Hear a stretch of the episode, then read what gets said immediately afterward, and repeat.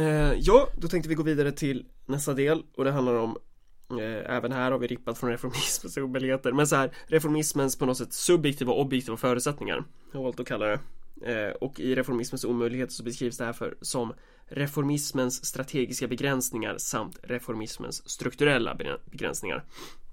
Och det första av dessa är eh, Eller ja, egentligen så handlar det väl främst om parlamentarismen som sådan. Varav en av dessa aspekter handlar om parlamentarismens ideologiska effekt.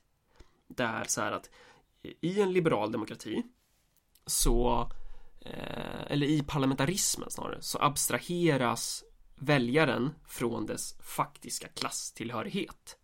Eh, en, en, en person som går på socialbidrag har enligt det liberala systemet egentligen eh, jämlik makt eller enligt det parlamentariska systemet jämlik makt eh, jämfört med eh, politikern som sitter i parlamentet. Så här, det, det, det, man är bara en röst. Så här, en, en, konkret ojämlikhet i samhället ter sig som en formell jämlikhet i parlamentet. Visst, ja okej, okay. ja men precis. Alltså att Ja, men vi är ju alla människor och vi är alla liksom jämlika. En man, en röst och så vidare. Och det finns egentligen ingen annan makt än just rösten. Precis, att, att så här, att, att det, det, är rust, det är väljarna, form, väljarna formar parlamentet. Parlamentet är representativt för folket. Och alla som inte håller på med politik förstår ju att så är det ju inte. Att så är och några få som håller på med politik förstår att så är det inte. Jag kan ta, men bara en grej här som jag vill flika in. Jag fick en utskällning av typ Vänsterpartiet Uppsala. Nu har jag aldrig varit medlem av Vänsterpartiet. Jag var bara medlem av Ung Vänster. Du vill bara inlurad men, av mig där. Precis. Ja, jag, jag fick i alla fall en utskällning av dem. Eh, där de bara sa så här. Typ angående hela den här RF-grejen. För då var det mer eller mindre det läxan som jag fick lära mig var bara så här, jo men vet du vad, okej. Du kanske kan läsa i tidningen när polisen håller på och misshandlar folk mm. eller så. Men mm. nu är det så att vi lever i ett demokratiskt samhälle och typ polisen kan du alltid liksom påverka. Det, den är ändå en demokratisk institution så du behöver bara rösta på ja, Vänsterpartiet så kommer poliser att bli helt annorlunda. Ja. Liksom. Och, och där har vi ju verkligen på något sätt. Det finns ingen poliskår. Det finns ingen institution. Det finns egentligen bara liksom människor som simmar runt i någon så här metafysisk eter. Och sen om du lägger en papperslapp i en låda så kommer liksom de här själarna att bara bli helt annorlunda typ. Ja men verkligen. Alltså så här, staten är neutral typ. Eh, och, och, och det här som eh, en, en, en effekt av den här ideologin blir ju att till exempel det här som vi är inne på, eller som, som man får höra jävligt många gånger. Okej, nu är SD, de har 20% i opinionsmätningarna. Slutsatsen är att det här tankesättet blir ju då att okej, men två miljoner av Sveriges befolkning är rasister. Ja. Det blir liksom slutsatsen av den sortens resonemang. Ehm, mm. Och, och, och, det är så man tänker typ så här att om arbetarklassen bara skulle vinna den ideologiska kampen, valkampen typ, då leder det till en majoritet i parlamentet och då kan vi informa socialism via de här radikala reformerna. Så, alltså så här, att, att om ideologin klaffar så kan parlamentet användas som ett neutralt verktyg. Ja, och här har du problemet med Corbyn. Vi säger inte så här, Corbyn han tycker inte precis som oss. Eh, därför är han en jävla idiot. Liksom. Eller Corbyn är inte typ Lenin eller Mao Zedong, därför är han är värdelös. Utan vad vi säger är så här, Corbyn har bilden av politik som att okej, okay, om han vinner 50 1% av rösterna. Eller vad, hur många röster som nu krävs för att liksom hamna i majoritet. Då kan han bara säga, men kolla. Det demokratiska samhället som vi lever i säger bara, ja men en majoritet tycker som jag. Därför så är alla skyldiga att rätta sig liksom när jag säger nu ska vi nationalisera järnvägen eller någonting. Då kommer typ järnvägsföretagen och säga, ja men vet du vad Corbyn, du har helt rätt. Vi kommer inte att motsätta oss det här för vi lever i en demokrati. Men du ser redan nu hur han, Corbyns eget parti försöker sticka dolken i ryggen på honom. Hur all media håller på att hitta på olika lögner om honom och kör någon jävla hatkampanj mot honom. Och det är ju inte en slump att det är så. Det är ju på grund av att vilka är det som äger tidningarna? Vad får, vad får, var liksom kommer pengarna ifrån? Mm. Det, det, finns någon, det finns någonting bortom parlamentet. Det är inte parlamentet som är den politiska arenan. Parlamentet är och bara Corbyn förstår inte den biten. Han förstår inte makten så att säga. Uh, och det är ju, jag, jag, om du rent teoretiskt skulle kunna säga så här. Men okej, okay, vet du vad? Jag har makt nog att när jag kommer in i staten då kommer jag kunna säga så här till folk. Du ska göra som jag säger. Annars så jävlar. Mm. När Örebropartiet Fine. får majoritet i Örebro kommun, mm. då blir det kommunism. Eller inte. Ja. Om någon, om någon kunde säga så och liksom ha ett väl underbyggt case, mm. typ Roosevelt var ju sån. Han kom in och hade jävligt mycket makt därför att när han sa till någon fabriksägare du gör så här eller annars då var den här fabriksägaren rädd nog för vilka konsekvenser det skulle bli så att den rättade sig. Ja, precis. Corbyn har inte det, han förstår inte det spelet. Det är vad vi, liksom våran analysbedömning av honom. Och när vi ändå är inne på det här med divisioner så kommer vi in på den andra effekten av parlamentarismen och det är dess demoraliserande effekt. Eller demobiliserande Precis. effekt. Att, att den parlamentarismen omvandlar partier. Alltså medlemmar blir parlamentariker som blir representanter för rörelsen. Och omvänt så blir de andra medlemmarna på något sätt eh, endast eh, verktyg eller så här eh, serfs, tjänare, mm. peons för er som spelar World of Warcraft. Massan av medlemmar blir helt irre irrelevant. Den används bara för att understödja parlamentarikerna i det parlamentariska arbetet. Och, mm. och parlamentarikernas praktik åtskiljs från medlemmarnas. Eh, och här kan man återigen ta Sverigedemokraterna som ett exempel. Liksom att så här, Sverigedemokraterna att Sverigedemokraterna växer medlemsmässigt är farligt för partitoppen. För att mm. de måste ha, de ska ha passiva medlemmar. Precis. Och det vill ju sossarna också ha. Ja, det vill och alla ha. Alla, alla som är en del av det här systemet. Alla i det politiska etablissemanget. Alla i åtta klövern. Mm. Men samtidigt, befolkningen i stort börjar ju också tro att okej, okay, vet du vad, men vi lever i ett demokratiskt system, vilket betyder att jag behöver bara sätta mig och trycka på den här mentometerknappen en mm. gång vart fjärde år. Och typ trycker jag rätt så kommer det att bli så som jag vill. Så att det här är ju också tragedin bakom Corbyn eller Syriza egentligen. Det är inte så att Corbyns problem är för att Corbyn är lat eller dum i huvudet eller så. Utan det finns människor som på allvar tror att vet du vad, nu har jag röstat på Corbyn. Det betyder att Corbyn har makten att införa typ socialdemokrati eller socialism eller liksom rädda välfärdsstaten. Men det innebär inte det. Det innebär egentligen ingenting. Nej, precis. Alltså må många tror ju det, att deras röst spelar roll. Och i vissa fall kanske den gör det, bara för att promota ÖP. Men så här, ÖP kommer inte trolla fram man kanske kan förändra något jävligt, jävligt litet i det lilla på kort sikt. Men i det stora hela så nej, det är inte den vägen liksom. Eh, men så här, där jag, där jag var, var att så här, det ska, genom parlamentarismen så skapas det incitament till att avaktivera de egna medlemmarna, att göra dem till följare.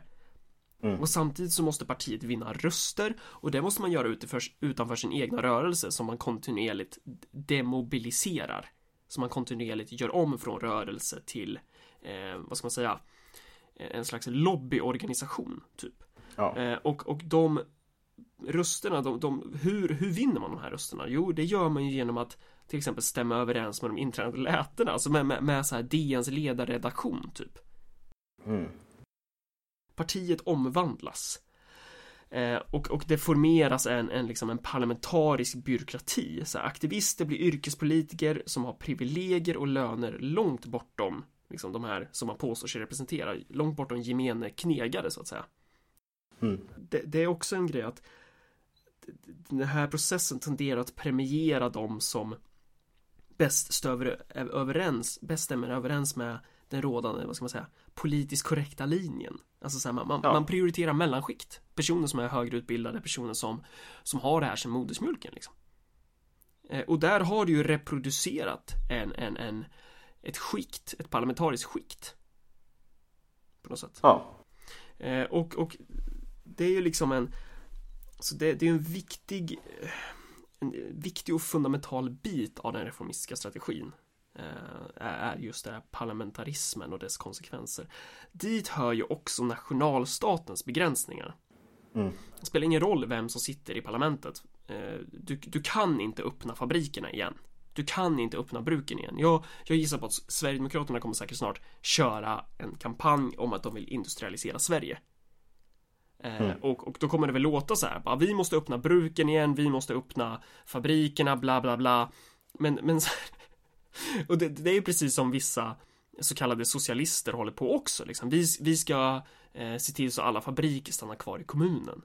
Eller vad det nu kan vara. Det funkar inte så idag. Det är liksom mm. en global kapitalism. Man har inte ett skit att komma med idag när det gäller det. Det är liksom, Nej, alltså, det ligger bortom nationalstaten, ligger bortom statens ens möjlighet att kunna påverka det där. Ja, alltså liksom, man ska ta något väldigt konkret exempel. Så du vet, Cloetta hade ju någon sorts fabrik, vad var det, uppe i Gävle eller någonting. Mm. Ehm, som de la ner ganska nyligen och så skulle de flytta till något typ östeuropeiskt land. Och så eh, gick jag in på Jonas Sjöstedts blogg och läste och så höll han på att lipa om typ kapitalismens grymhet och så vidare. Och så här skulle inte hända i ett Sverige där Vänsterpartiet styr. Liksom. Problemet är ju att Jonas Sjöstedt är ju inte ärlig mot läsaren. Därför att visst, rent teoretiskt så skulle man kunna ha stoppat den här fabriksflytten. Du, men lögnen är ju den här tron om att det är bara en liten knuff som behövs för att liksom nå dit. Du skulle behöva gå ur EU, för det första. Du skulle behöva gå ur ganska många sådana här typ eh, internationella avtal som Sverige har ingått. Du skulle behöva, när du gör de här sakerna, så kommer inte folk säga ja men okej du går ur EU, allting kommer att bli som, som vanligt, bara att vi har en Cloetta-fabrik i Sverige. Du skulle vara tvungen att bygga upp om samhällsekonomin från grunden. Och det är just det, den här tron på att, som är liksom reformismens um, ehm, oärlighet och den utopiska karaktär som finns idag. Vilket är att okej, okay, vi har en del problem. Men det enda som jag behöver göra med det här problemet det är någon liten förändring så.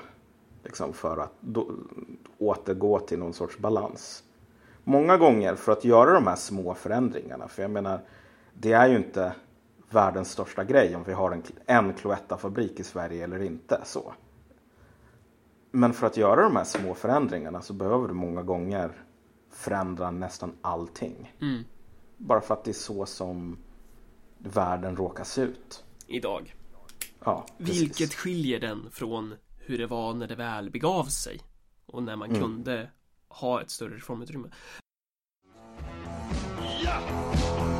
Mera kärnkraft!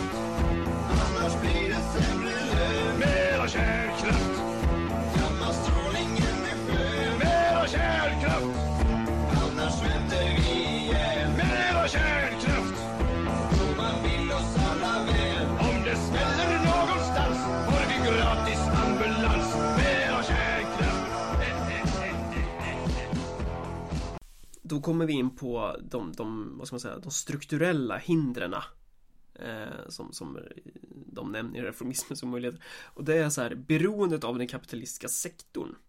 Så här, vad, vad är det egentligen som möjliggör reformer om man ska säga så? Jo, det är investeringar.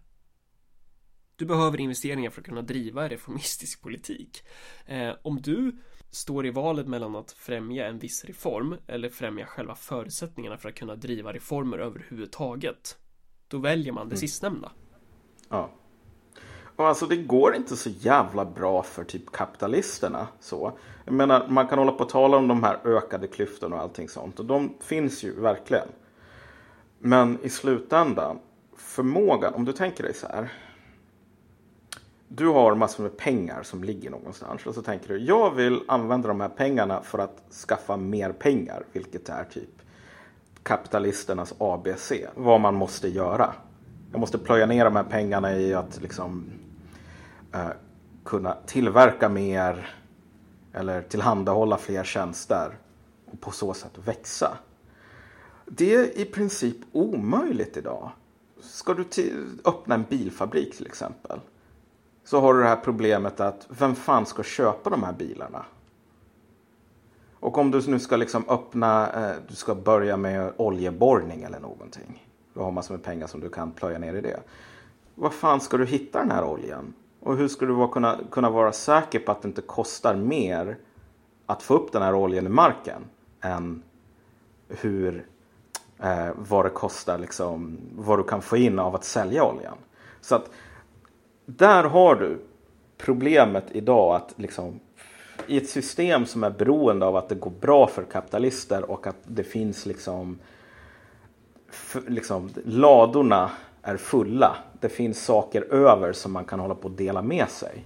Så um, är det jätte jätte, jätteträligt att ens liksom gå med plus överhuvudtaget mm. utan att hålla på typ fuska som Volkswagen till exempel. Eftersom det du sa liksom att så här, i kapitalismen så behöver du hela tiden ha mer och mer och mer vinst. Och där har man egentligen förklaringen ända från alltså så här, vid andra världskrigets början. Då finns det en viss eh, möjlighet till att göra vinster. Eh, det här kommer ju avta under längre tid fram till 70-talet och framförallt så kommer du behöva mer och mer och mer vinst. Det är liksom inte som på feudalismen bara men 10 eller 12 får varje månad spelar ingen roll liksom. Så här, kapitalisterna måste ha in den här vinsten. Det måste ackumuleras. Och vi har, vi har varit jävligt upptagna med att tömma den här jorden på i princip alla lättillgängliga resurser. Liksom. Så om du ska hålla på och typ borra efter koppar idag så kommer du vara nöjd om den här malmen du får ut har typ 2% koppar eller någonting. För 200 år sedan då var det så här mindre än 40 procent det var kast. Så den där sortens eh, det, förändringar håller på att pågå. Det är bara en aspekt av det liksom. Att så här att själva poängen är liksom att eh, så här har du inte en hög investeringstakt, har du inte en hög eh, produktivitet, då får du ett minskat reformutrymme. Och det här pratar man ju om inom politiken och det, vi kommer väl komma till det, men hur, hur de här liksom de som brukar skrika sig hesa om att folk är reformister, hur de reagerar när de hör ordet minskat reformutrymme. De, för dem eh, tror jag att det är en nyliberal myt, typ. Nej men det stämmer mm. och det är också så här, kolla. Det här är det som visar på Men vi kommer in på det sanna, ja men alltså mm. Okej, okay, när kommer vi in på det? Uh, nej men som sista del, men, men, men säg det du ska säga. Ja, men alltså, för det som du tar upp är på något sätt, det visar liksom den sanna färgen hos många liksom, så kallade socialister idag. Därför om, om du säger något så här, typ att möjligheten att all, för alla att hålla på och leva på den levnadsstandarden som vi är vana vid håller på att försvinna på grund av att en aspekt i det här till exempel, det är så här. Jag ska kunna konsumera så och så många tunnor olja per år. Och så håller det på att ta slut. Eller det är den oljan som finns kvar kommer ingen att borra upp för att det kostar mer olja att borra upp den än vad du får. Då kommer folk säga, ja men du är någon jävla nyliberal, bla bla bla sådär. Folk kommer att vägra att acceptera det. Men det där är bara, det där är bara ett faktum. Och socialism för de här människorna är ju i slutändan att jag ska kunna fortsätta leva som jag har liksom levat under kapitalismens guldålder socialism är liksom kapitalism i någon sorts regnbågs My Little Pony-land mm. där det inte finns Alla åker limousin, några begränsningar. Det regnar marshmallows. Det är bara så här. Ja. Närkes kulturbryggeri säljer öl. Nej, ger ut gratis öl i varje hörn. Precis. Men det enda som socialism kan vara, det är ett bättre sätt att leva i den världen som vi lever mm. i. Inte ett sätt att stoppa huvudet i sanden. Eh, och här i ligger också en ekologisk begränsning i just den här ekonomiska begränsningen. Att så här, okej, okay, ska vi försöka att inte typ sabba miljön? Eller ska vi mm. så här sabba miljön och ha en hög investeringstakt? Det är ju liksom, ja. det går inte att föra en, en hållbar politik med den policyn. Nej. När det gäller liksom historieskrivningen Eh, så kan man ju prata om så här utvecklingen som möjliggjort och underminerat reformismens framsteg. Eh, att så här, Socialdemokraterna vill ju ofta prata om sig själva som om de skulle ha haft allt bra som vi ser i Sverige idag, det är tack vare Socialdemokraterna. Eh, jag skulle nog kanske snarare säga att det så här, trots Socialdemokraterna kanske. Nej, men, men liksom så här att det här är Oavsett om det är socialdemokrater eller liberaler eller konservativa eller vilka som har suttit i, i regeringarna i Europa till exempel så har det sett ungefär likadant ut. Eh, mm. och det är värt att förstå varför de här sakerna har möjliggjorts. Varför möjliggjordes den här, det här socialdemokratiska projektet? Och det är ju såklart en någonting som man kan gå in på i detalj. Eh, framförallt om man studerar typ kulturgeografi eller någonting. Men eh, vi, kommer, vi kommer snudda vid det såklart eftersom det är en podd. En av de här grejerna det är industrialiseringstakt. Alltså i, i, i vilken takt eh, ett land industrialiseras. Till exempel om, om du har en utdragen industrialiseringstakt då kommer du ha små arbetsplatser, du kommer ha eh, större tendenser till liksom så protektionism hos bondeklassen till exempel. Du kommer ha eh, svårare att organisera partier. Eh, I Sverige så hade de väldigt snabb industrialiseringstakt vilket ledde till att du får väldigt koncentrerad produktion så att säga. Man kanske inte ska kalla det fordistisk produktion men så här för fordistisk produktion liksom väldigt mycket arbetare på en och samma plats. Eh, detta gör ju i sin tur att det är lättare att organisera. Eh, och, och andra saker är till exempel bondeklassens ställning. I Sverige hade du en, en ovanligt förhållandevis relativt stark bondeklass med, med ganska eh, stor, stor del av självägande. Så att man mm. var mer så här hade incitament för ökad export och så vidare, incitament för att öka på den här industrialiseringen eh, istället för att då göra som i andra länder där en seg industrialiseringstakt ingår i protektionistiska allianser med den före detta aristokratin eller vad man ska säga. Eh, ja, men sen en annan sak som man kan ju nämna här bara i förbifarten är ju att Sverige var ett av de få länderna som inte blev totalt sönderbombat i andra världskriget. Ja, precis, vi kommer dit. Mm. När vi väl kommer till världskriget så är Sverige inom citationstecken neutrala. Hela Europa ligger sönderbombat. Mm. Men Sverige har sin produktion redo. Då jävlar, kaching alltså. Ja, och sådana där, såna där omständigheter går ju inte att reproducera bara genom att typ Daniel Suonen blir partiledare. Så. Vilket är lite grann poängen här att alltså, man måste alltid ha ögonen på att den, den, den grundläggande politiska dialektiken här mellan ideologi och materiella omständigheter. Och mellan materiella omständigheter och ideologi.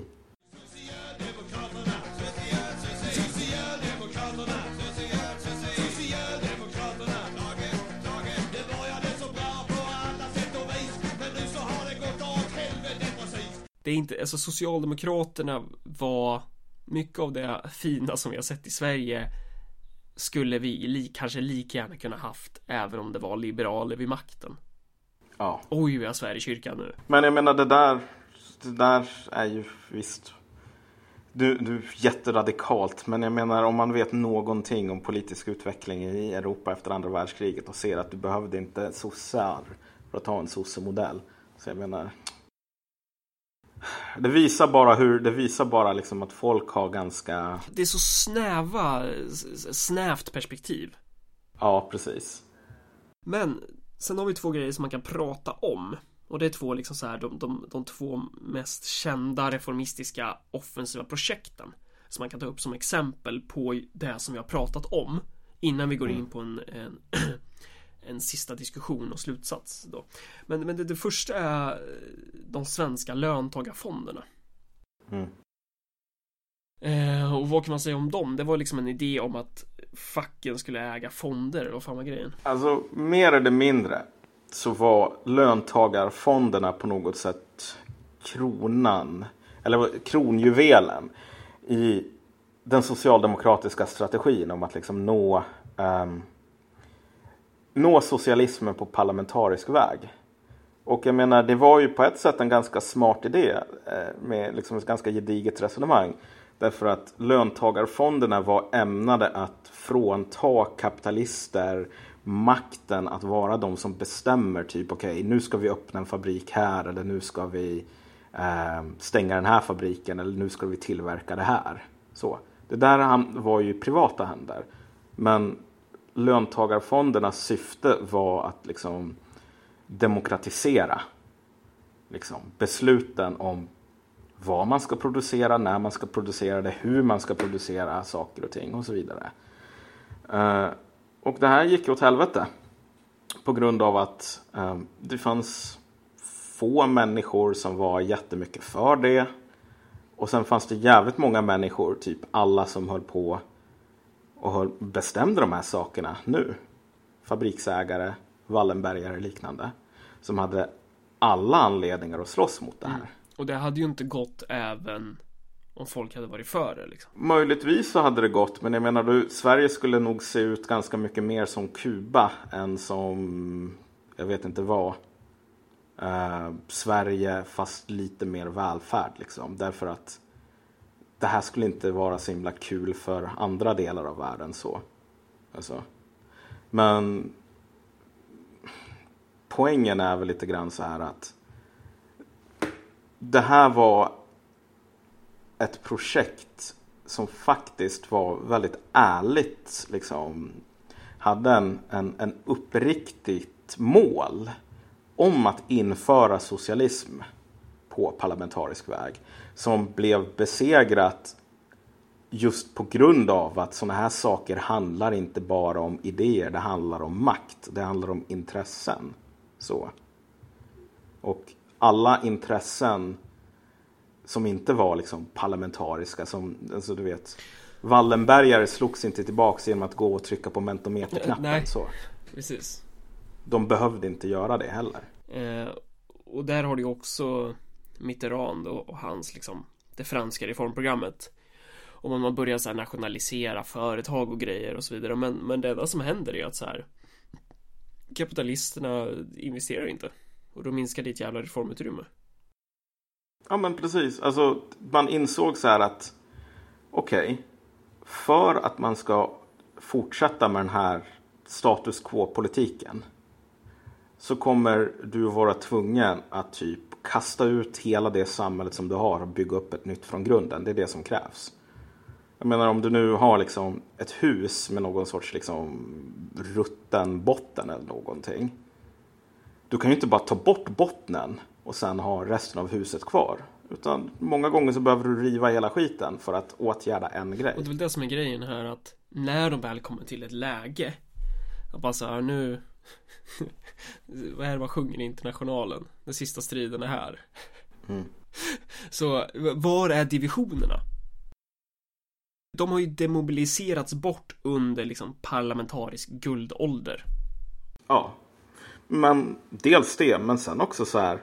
När man väl inser att typ okej, okay, för att fixa den här liksom ruttna grunden liksom, som man tycker är jobbig. Så behöver man riva hela huset. Så inser man bara, nej vet du vad. Jag pallar inte att riva det här huset. Liksom. Det är för jobbigt. Det har ju också att göra med att de som sitter i toppen av huset nu inte är de som byggde det där huset från början. Liksom. Ja, jo, men precis. Så Kohl är ohyggligt upprörd när han kommer in. Så sätter han sig och så börjar han liksom på att äta smör. Han äter kopiöst med smör. Först eh, en assiett. Och jag kan tänka mig att det är en tio sådana här smörklickar, 10 gram styck som ligger där. Den konsumerar snabbt. Sen tar han in en till och också den går åt. Sen liksom går han ner på något sätt i varv. Och... Eh... Någonting händer.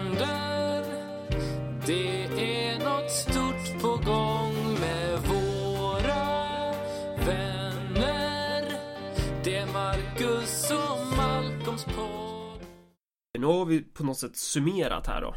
Att, att så här, trots det här så, for, alltså så här, sossarna fortsätter enligt där de är konstruerade för liksom. Att, att, mm. att vinna val och vara statsadministratörer. Men, men de gör det i en annan terräng. De gör mm. det med en försvagad arbetarrörelse, en arbetarrörelse som kanske inte ens, alltså, ja den är ju, det är otroligt försvagad arbetarrörelse med minskat reformutrymme och så vidare. Eh, så, så, så slutsatsen, jag har sagt det förut, jag säger det igen, en modell av och för en annan tid. Mm. Och det är väl lite grann för att liksom sluta cirkeln här. När vi kallar oss själva liksom revolutionärer så är det inte för åh men vet du vad, våld det är ballt, typ samhälle som stört, det är så jävla coolt. Mm. Jag kan liksom erkänna så här.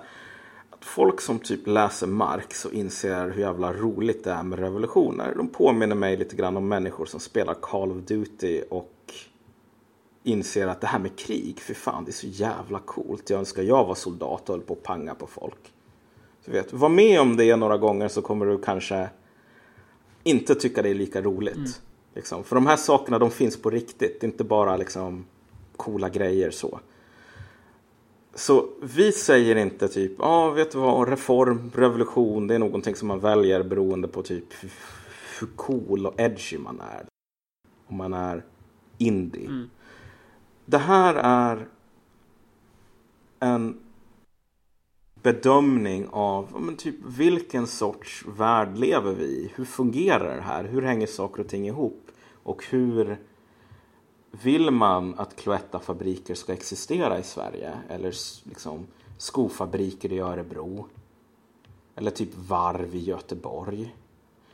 Vad för sorts förändringar behöver man göra? Liksom? Hur, hur kommer man dit? Mm. Det är väldigt enkelt idag att säga så här, allting skulle vara bra mm. och vi bara ändrar på någonting litet. Men det är inte så. Egentligen skulle man kunna dela upp reformisterna i två lag. Dels de som absolut aldrig skulle erkänna sig vara reformister. Eh, de som eh, är revolutionärer och, som, eller så kallar sig revolutionärer och som eh, gråter floder över att typ Stefan Löfven och liksom sossetoppen inte har några visioner för Sverige längre. Och sen å andra sidan så har du Stefan Löfven och sossetoppen eh, de som faktiskt sitter på makt. Så att du skulle kunna dela upp det på en skala så här vision kontra makt. Desto mindre makt du har, desto lättare är det att ha visioner och desto ja. mer makt du har, desto, desto lättare är det att inte ha de här visionerna. Eh, och så, här, så egentligen kanske det är så att så här, Stefan Löfven är mer medveten om reformismens omöjligheter än vad Jonas Sjöstedt är. Ja, precis. Vad är det egentligen Jonas Sjöstedt vill? Liksom? Vad är det Corbyn vill? Vad är det Vänsterpartiet vill? Vad är det Syriza vill? Vad är det KP? Det, det, är, det är samma skit egentligen. Vi, vi ska ha det här samhället som vi hade en gång. Fast det ska kanske vara lika, lite bättre. Och för att det är tryggt och fint och bra. Och det är typ Löfvens fel för att han inte har visionen nog att föra oss tillbaks dit. Men Löfven är inte dum i huvudet. Och han vet precis hur lite de här visionerna spelar någon roll i den liksom jämfört med den verklighet som faktiskt finns. Och jag tänkte ta ett annat exempel här, liksom bara avslutningsvis, som inte handlar om politik men som visar verkligen på samma problem. Så här, Shell, oljebolaget nu, var tvungna att lägga ner sin oljeborrning i Arktis. Där hade man tänkt att vi ska få massor med olja. så. Eh, och man hade investerat typ flera miljarder dollar. Sen så insåg man så här att vi kommer aldrig att få upp den här oljan. Det kommer att kosta mer än vad... Vi kommer att vara tvungna att lägga mer energi på projektet än vad vi får ut. Så 7 miljarder dollar senare så säger man bara ja, adjöss tack för fisken. Vi kastar de här drömmarna i soptunnan liksom. Och det här ledde till att alla andra oljebolag som hade planer på att borra typ säger ja men okej, vi ger upp det här. Det blir ingenting.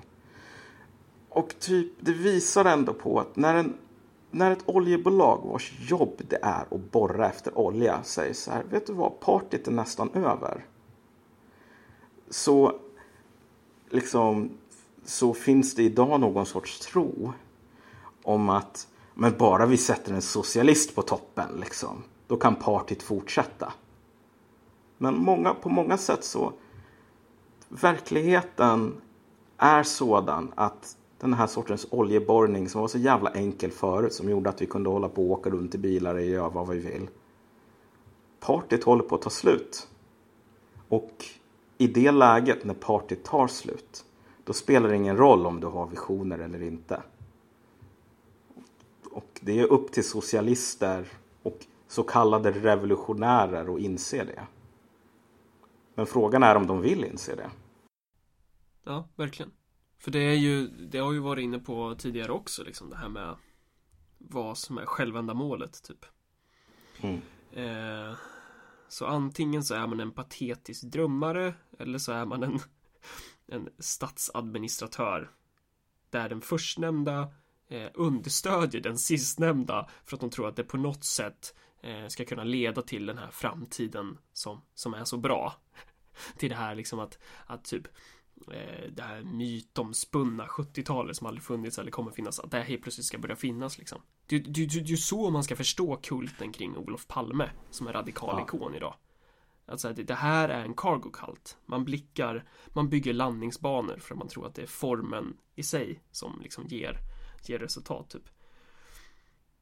Um, och sen en, en sak som man bör betona är ju också att så här eh, Som jag tror jag sa förut så här, men, men om man tittar på typ Katrin Marsall Hon är ju en, en av de Socialdemokraterna som eh, Som kanske tillhör det här Löfvenlägret eller vad man ska säga Eller Mona Sahlin eller något sånt här Det här är ju personer som på något sätt futs in i partibyråkratin mm. eh, Jag vet inte om Marsall har futs in där men så här, de flesta, alltså så här, sossarna är sossetoppen idag, det är ju några helt andra än, än när det väl begav sig. Liksom. Att så här, eh, om, om du frågar någon av de här så här, ja men vad är strategin för socialismen? De kommer ju bara skratta åt dig. För att det, det, det är liksom så här hundra år av, av, poli, av politik. Det, det, är så, det är så en modell förändras helt enkelt. Men, och, så det är ju en intressant värld som vi lever i. Okej, okay, de här människorna kommer att skratta åt frågan typ vad är strategin för att nå socialism?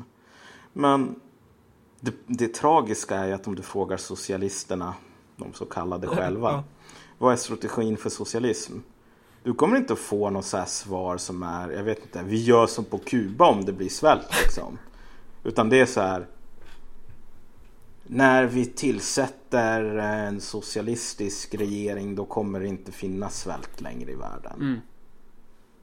Du vet, det är så här socialismen handlar om att välja världen man vill leva i, inte försöka, du vet, göra det bästa av situationen. Typ. Så det är ju bara, det är en verklighetsflykt. Eh, så här, det efterfrågas ju mer och mer så här, vad, vårat, vårat manifest, så här, våra, våran liksom, så här, strategi för att, för att uppnå det vi vill. Eh, och jag tänker så här att det kan vi absolut prata om liksom Även om inte jag sitter på så här det gyllene receptet Så jag, jag vet inte Om jag ska vara ärlig jag, jag har inte den exakta detaljplanen Men jag vet vissa saker man kan jobba med. Vissa saker kan man snacka om i en podcast Andra saker bör man typ hålla för sig själv än så länge. Men eh, i det här avsnittet så Så bör man också kunna se i vår kritik en En ledtråd till hur man kanske skulle göra istället. Ja, ett tips är ju faktiskt att våga stirra verkligheten i mm. vitögat och inte bara stoppa ner huvudet i sanden när saker och ting blir jobbiga. Liksom. Mm. Jag menar, det, det, är alltid vanskligt att säga så här, ja men typ här har vi ABC liksom. Mm. I punktform, hur man tar sig till socialismen eller ja, något sådant. Som trottar typ. Ja, men det är alltid värt att kunna ställa den här frågan. Var är vi idag? Mm. Och vart vill vi? Mm. Hur ska vi ta oss dit? Liksom? Så här. Försöka åtminstone dra någon sorts preliminärt streck mellan typ där man faktiskt är på kartan och, och där man faktiskt vill. Mm. Det är ju som vi i Örebropartiet säger. Politiken har svävat iväg. Det är dags att ta ner på jorden igen. Mm, precis. Där, där har vi det. Ja, men nu skiter vi där. Ja, det gör vi. Fan. Kräver att du gör din plikt och hämnas oss en gång. Och genom maskinerna sjunger vi för er. Studera Marx och Lenin och förena er. Klass mot klass måste striden stå. Och i tysthet ska vi stiga upp och vara med er då